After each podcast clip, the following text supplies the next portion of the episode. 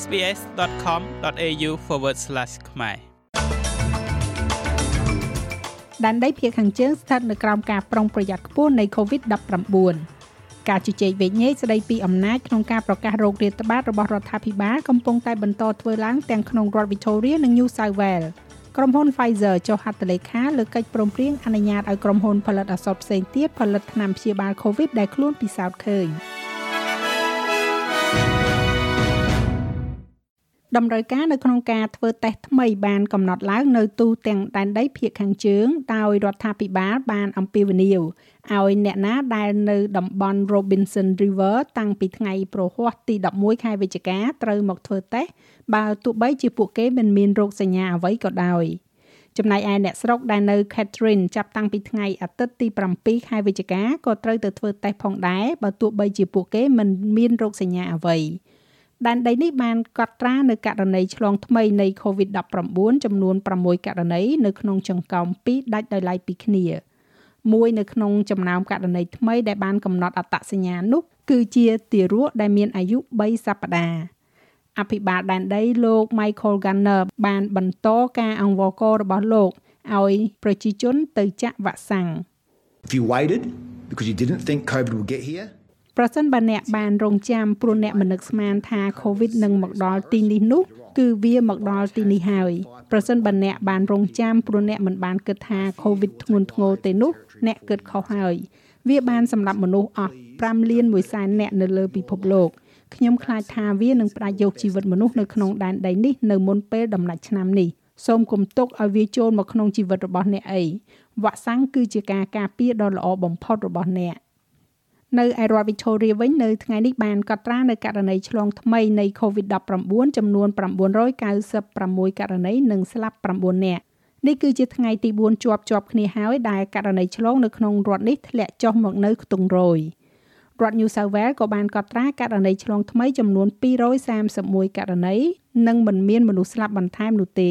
មានអ្នកជំងឺដែលផ្ទុកវីរុសកូវីដ -19 ចំនួន207អ្នកកំពុងសម្រាកព្យាបាលនៅក្នុងមន្ទីរពេទ្យដែលក្នុងនោះ33អ្នកស្ថិតនៅក្នុងបន្ទប់ ICU អភិបាលរដ្ឋ Victoria លោក Daniel Andrews និយាយថាលោកនឹងមិនលេងលបាយនយោបាយតាក់ទងទៅនឹងច្បាប់រោគរាតត្បាតដែលបានស្នើឡើងរបស់រដ្ឋាភិបាលនោះទេ people who have railed against because they thought it was in their political interests អ្នកដែលប្រឆាំងដោយសារពួកគេគិតថាវាគឺជាផលប្រយោជន៍នយោបាយរបស់ពួកអ្នកការិយាល័យធិបតេយ្យដែលធ្វើការសម្រេចចិត្តទាំងនេះធ្វើការអំពាវនាវទាមទារឲ្យអ្នកនយោបាយធ្វើការសម្រេចចិត្តទាំងនេះហើយនៅពេលដែលសេចក្តីព្រៀងច្បាប់ត្រូវបានដាក់ចូលក្នុងសភាដើម្បីសម្រេចទៅតាមនោះច្បាស់ណាស់ថាគណៈបកប្រឆាំងគឺបារម្ភថាវាគួរតែត្រឡប់ទៅការិយាល័យធិបតេយ្យវិញវាជានិយមន័យនៃលបាយនយោបាយ។ អ្នកទាំងឡាយណាដែលនៅខាងមុខអគាររដ្ឋសភាកំពុងប្រើអំពើហិង្សានេះបានខ្ញុំនឹងទុកឲ្យអ្នកធ្វើខណៈដែល90%នៃប្រជាជនរដ្ឋ Victoria ដែលបានធ្វើនៅរឿងត្រឹមត្រូវពួកគេអាចធ្វើការវិនិច្ឆ័យដោយខ្លួនឯងអំពីឈុតឆាកទាំងនោះការជជែកដេញដោលលើវិសោធនកម្មសុខភាពសាធារណៈនិងសុខុមាលភាពស្ដីអំពីសេចក្តីព្រៀងច្បាប់ការគ្រប់គ្រងរោគរាតត្បាតនេះបានចាប់ផ្ដើមនៅក្នុងសភាជាន់ខ្ពស់នៅរសៀលថ្ងៃអង្គារហើយបានដំណើរការទៅយ៉ាងល្អ។ លោក Andrews និយាយថាក្រុមបាតកោដែលបានចំណាយពេលមួយយប់ទៀតកាន់កាប់កម្មចិន្តាលសភានៃរដ្ឋ Victoria នោះមិនតំណាងឲ្យមតិភិជានៃប្រជាជន Victoria នោះទេចំណែកឯអភិបាលរដ្ឋ New South Wales លោក Dominic Perrottet នឹងធ្វើការកែសម្រួលសេចក្តីព្រាងច្បាប់ដែលបានស្នើឡើងរបស់រដ្ឋនេះនៅរដូវក្តៅខាងមុខដែលស្វែងរកការបន្តអំណាចគ្រាអាសន្ននៃ COVID-19 រហូតដល់ឆ្នាំ2023 សេចក្តីព្រាងច្បាប់នេះត្រូវបានស្នើឡើងដោយរដ្ឋមន្ត្រីក្រសួងសុខាភិបាលលោក Brett Hazard ដែលគេមើលឃើញថាជាការបន្តអំណាចរបស់រដ្ឋមន្ត្រីក្រសួងសុខាភិបាលដើម្បីប្រកាសបទបញ្ជាសុខភាពសាធារណៈដូចជាការពាក់ម៉ាស់ជាកំហិត ការដាក់បំរាមកោចរនិងការបិទគប់និងបង្កើនការផាកពិន័យចំពោះការបំពានច្បាប់ជាដើមលោក Perote បានផ្អាកសេចក្តីព្រាងច្បាប់នេះបន្ទាប់ពីកិច្ចប្រជុំបកមានការខ្វែងគំនិតគ្នាកាលពីយប់ថ្ងៃច័ន្ទ there will no doubt be provisions គ្មានអ្វីត្រូវឆ្ងល់ទេនឹងមានបទបញ្ញត្តិដែលចាំបាច់ត្រូវតែបន្តប៉ុន្តែវាកំពុងដំណើរការតាមអ្វីដែលចាំបាច់អ្វីដែលមិនចាំបាច់ខ្ញុំក៏ដោយអ្នកគ្រប់គ្នាដែរចង់ធ្វើឲ្យប្រកាសថាយើងមានរដ្ឋាភិបាលដែលមិននៅបាំងផ្លូវប៉ុន្តែនៅពេលជាមួយគ្នានេះយើងធ្វើដើម្បីរក្សាការការពារការថែទាំសុខភាពរបស់ប្រជាជននៅទូទាំងរដ្ឋរបស់យើងហើយខ្ញុំនឹងធ្វើតាមរយៈនោះជាមួយនឹងរដ្ឋមន្ត្រីក្រសួងសុខាភិបាល បច្ចុប្បន្នបទបញ្ញត្តិទាំងនេះត្រូវបានកំណត់ថានឹងត្រូវផុតកំណត់នៅខែមីនាឆ្នាំក្រោយ។ប៉ូលីសរដ្ឋ New South Wales សង្ឃឹមថាការបំបីរឿងក្តីមួយនឹងកើតឡើងនៅពេលដែលពួកគេឈានចូលដល់ថ្ងៃទី3នៃការស្វែងរកសារជាថ្មីសម្រាប់ក្មេងប្រុស William Tyrrell ដែលបានបាត់ខ្លួនក្នុងឆ្នាំ2014 វាកាលឡើងបន្ទាប់ពីការប្រកាសរបស់ប៉ូលីសថារថយន្តមួយគ្រឿងត្រូវបានរឹបអូសពីផ្ទះមួយនៅ Gimea ភាគខាងត្បូងនៃទីក្រុង Sydney ក្រោមបទបញ្ជាពីខាងក្រុមអ្នកពិនិត្យសាកសព។រថយន្តនេះនឹងឆ្លងកាត់ការពិនិត្យធ្វើកោសលវិច័យយ៉ាងទូលំទូលាយនៅក្នុងប៉ុន្មានសប្តាហ៍ខាងមុខនេះស្នងការរងប៉ូលីសរដ្ឋ New South Wales លោក Malcolm Lanyon នៅតែជឿជាក់លើកិច្ចខិតខំប្រឹងប្រែងរបស់ក្រុមប៉ូលីសស៊ើបអង្កេត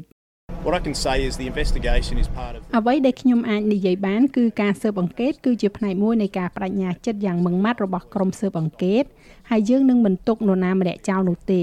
ប៉ូលីស New South Wales នឹងមិនបញ្ឈប់ឡើយរហូតដល់ពេលដែលយើងបានស៊ើបអង្កេតរាល់អង្គហេតុដែលអាចធ្វើទៅបានទាំងអស់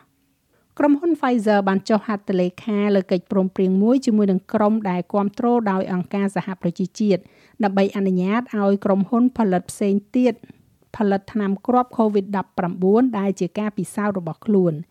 នេះគឺជាវិធានការមួយដែលអាចធ្វើឲ្យថ្នាំព្យាបាលនេះមានសម្រាប់ប្រជាជនរហូតដល់ទៅជាងពាក់កណ្ដាលនៃចំនួនប្រជាជនក្នុងពិភពលោក Pfizer បាននិយាយថាខ្លួននឹងផ្ដល់អាជ្ញាប័ណ្ណសម្រាប់ថ្នាំប្រឆាំងមេរោគនេះដល់ក្រុមហ៊ុនឱសថដែលមានមូលដ្ឋាននៅទីក្រុង Geneva ដើម្បីប្រើប្រាស់នៅក្នុងប្រទេសចំនួន95ប្រទេស ជាមួយនឹងការព្យាបាលភិកច្រើនដែលបច្ចុប្បន្នត្រូវបានគ្រប់គ្រងដោយការចាក់ចូលតាមសរសៃឈាមឬក៏ការចាក់ថ្នាំនោះ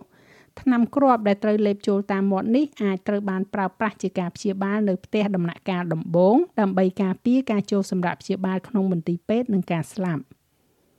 ប្រធានាធិបតីអាមេរិកលោកโจ Biden បានបញ្ជាក់អំពីជំហររបស់រដ្ឋបាលរបស់លោកចំពោះតៃវ៉ាន់ដោយនិយាយថាសេតវិមានមិនលើកទឹកចិត្តឲ្យមានឯករាជ្យភាពនោះទេ So I said ទេទេខ្ញុំបាននិយាយថាពួកគេត្រូវតែសម្រេចចិត្តពួកគេគឺតៃវ៉ាន់មិនមែនយើងទេហើយយើងមិនលើកទឹកចិត្តឲ្យមានឯករាជ្យភាពនោះទេ យើងកំពុងលើកទឹកចិត្តឲ្យពួកគេធ្វើដោយអ្វីដែលច្បាប់តៃវ៉ាន់តម្រូវហើយនោះជាអ្វីដែលយើងកំពុងធ្វើសូមទុកឲ្យពួកគេធ្វើការសម្រេចចិត្តរបស់ពួកគេ ការលើកឡើងនេះបានកើតឡើងមួយថ្ងៃបន្ទាប់ពីកិច្ចប្រជុំកំពូលពីចម្ងាយរវាងលោកជាមួយនឹងប្រធានាធិបតីចិនស៊ីជីនពីងនៅព្រឹកនេះវ៉ាក់សាំងចិនដែលផ្ដល់ឲ្យកម្ពុជាចំនួន2លានដូសបន្ថែមទៀតនឹងមកដល់ប្រលានយន្តហោះបន្ទាប់ពីវ៉ាក់សាំង AstraZeneca ជាង3សែនដូសពីអង្គការសុខភាពពិភពលោកបានមកដល់កាលពីថ្ងៃច័ន្ទកន្លងទៅលោកស្រីយុសម្បត្តិរដ្ឋលេខាធិការក្រសួងសុខាភិបាលបញ្ជាក់ថា កម្ពុជាមានវ៉ាក់សាំងគ្រប់គ្រាន់សម្រាប់ការចាក់ជូនប្រជាពលរដ្ឋមិនថាដូសទី2ឬដូសទី3នោះទេ។អញ្ចឹងសរុប2លានដូសសម្រាប់ថ្ងៃ17នេះទៀតយើងនឹងមានប្រហែលជា40លានដូសជាហើយសម្រាប់ប្រទេសកម្ពុជាចាស់ឲ្យលោកមេងផាឡានឹងជួនសេចក្តីរាយការណ៍លម្អិតនៅវគ្គក្រោយជាបន្តទៀត នៅក្នុងកីឡាវាយកូនបាល់ Tennis កីឡាការិនី Gabin Muguruza បានឈានដល់ការប្រកួតដណ្ដើមជើងឯក WTA Finals ជាមួយនឹងជ័យជំនះ2សេតជាប់ៗគ្នាលើមិត្តរួមជាតិអេស្ប៉ាញ Paula Badosa ទន្ទឹមនឹងនេះដែរកីឡាករជើងឯកពិភពលោកលេខ2ខាងផ្នែកបរោះ Daniel Medvedev បានយកឈ្នះលើ Alexander Zverev ជាមួយនឹង ជ័យជំនះដ៏គួរឲ្យរំភើបក្នុងការប្រកួតរបស់ពួកគេនៅ ATP Final ដោយបានរក្សាកន្លែងនៅក្នុងវគ្គ4នាក់ចុងក្រោយចំណែកឯអត្រាប្តូរប្រាក់វិញ1ដុល្លារអូស្ត្រាលីមានតម្លៃប្រមាណជា73សេនដុល្លារអាមេរិកត្រូវនឹងជិត3000រៀលប្រាក់រៀលខ្មែរ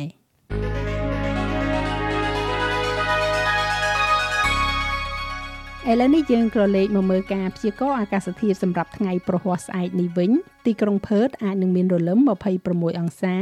អាដាលេដមានពពកដោយពេល28អង្សា